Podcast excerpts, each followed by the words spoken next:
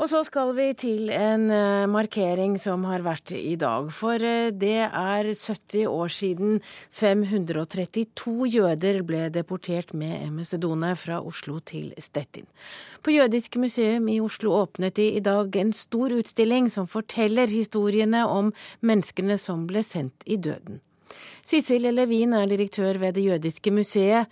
Hun startet dagen i dag på kaia i Oslo, der de markerte den tragiske hendelsen. Det var veldig fint. Eh, det var mørkt, og det var snøføyk, og det var kaldt og ufyselig. Men markeringen var veldig fin. Fine taler. Og eh, det var mange mennesker der. Det er, eh, det er jo veldig hyggelig, må jeg si, at så mange møter opp på en sånn dag. Ja, For det varmer deg at så mange bryr seg? Ja, det varmer at mange bryr seg. Det er en tung dag. Altså 26. november er en tung dag hvert år.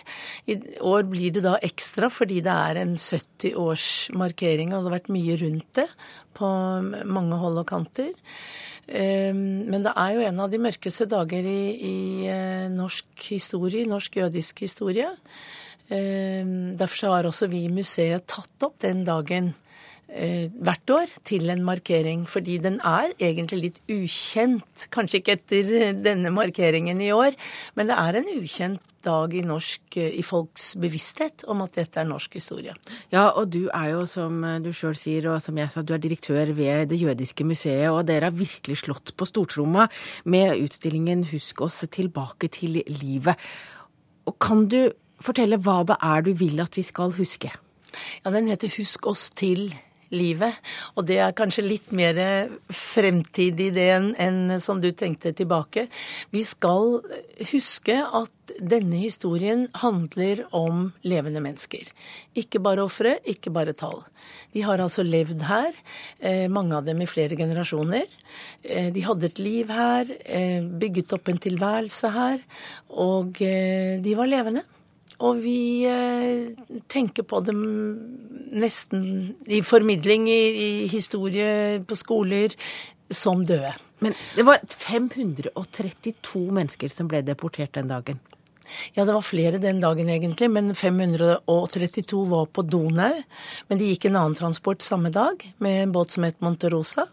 Da var det 26 Eh, jøder om bord. Og det hadde gått en eh, transport eh, også med Monterosa den 20. november. Og det gikk en stor transport i februar 43 med 158 jøder om bord.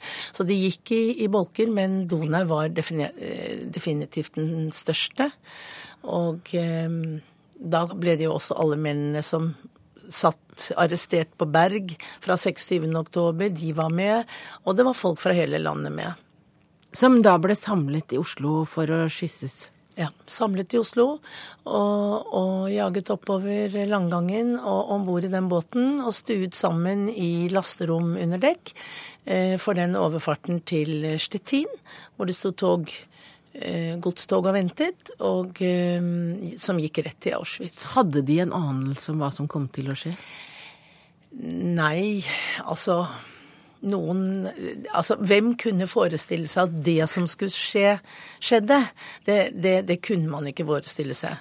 Så de hadde vel sine anelser om noe som ventet, men det kunne man jo ikke forestille seg. Og, Hva trodde de?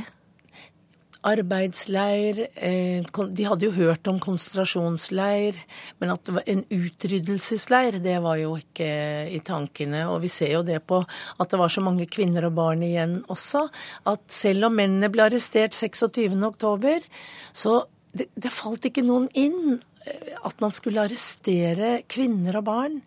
Og det var nok en tanke som holdt igjen mange. Og eh, mange hadde Det var dødsstraff for å flykte. Og mange hadde sine slektninger, sine mannlige slektninger da arrestert, og tenkte at hvis de skulle rømme, at det ville gå utover eh, de som satt arrestert. Så det var mange ting som låste dem fast i situasjonen. Ja, for det var sånn mange de som tenkte tanken? På å flykte. Ja. Eh, og det var jo mange som klarte det også, og eh, vi skal huske på at det var en god del mennesker som eh, satset sitt eget liv på å hjelpe og redde. Det må vi ikke glemme i dette her.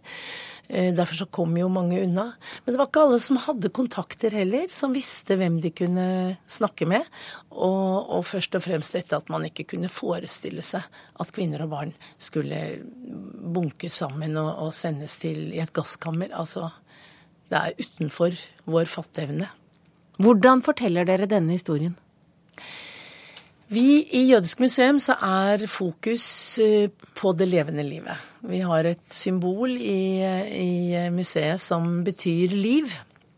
Og eh, det er gjennom det symbolet, det er gjennom den måten å formidle på at vi skal fortelle historien om det jødiske livet i Norge. Og denne nye utstillingen er eh, ikke en holocaust-utstilling i vanlig forstand. Den, har, den forteller gode historier om veldig mange av disse som både ble deportert, og også folk som klarte å rømme. Eh, men de er levende. De, dette er rett og slett kom jeg til å tenke på i går da jeg så utstillingen begynte å nærme seg slutten, at dette er en utstilling du kan ta med deg barn på. Det er ingen forferdelige bilder, det er ingen grusomme bilder eller, eller, hendelser som vises. Det handler om levende mennesker som kommer deg i møte, forteller hvem de er, hvor de kommer fra, eh, og det livet de hadde i Norge. Altså hvor de ender, blir tydelig nok eh, likevel. Men det er både barn, gamle, unge som er med i denne utstillingen, og det er mange gjenstander som eh, er interessante. Er det en historie du har bitt deg ekstra merke i? Forteller? Ja, ja, altså På den ene siden så har du alle de familiene og slektene som ble helt borte. Som ikke det finnes noe eller noen ting igjen etter. Absolutt ingenting. Knapt nok et fotografi. Det gjør, eh, det gjør noe med en når man tenker på det. De, liksom livet er utradert. Og så er det jo eh, dette med de små barna. Vi har ett lite barn i utstillingen. Det er noen bilder der som eh, går gjennom marg og ben på deg. Og det er mange Alle historiene er unike på sin måte, og vi må velge Vi må gjøre et utvalg, og det har vært vanskelig, men vi må velge ut fra materialet vi har, og også ut fra at historiene vi velger kan være representative for så mange som mulig. For vi kan ikke fortelle alle. Og det sa Cecilie Levin, direktør ved Jødisk museum i Oslo.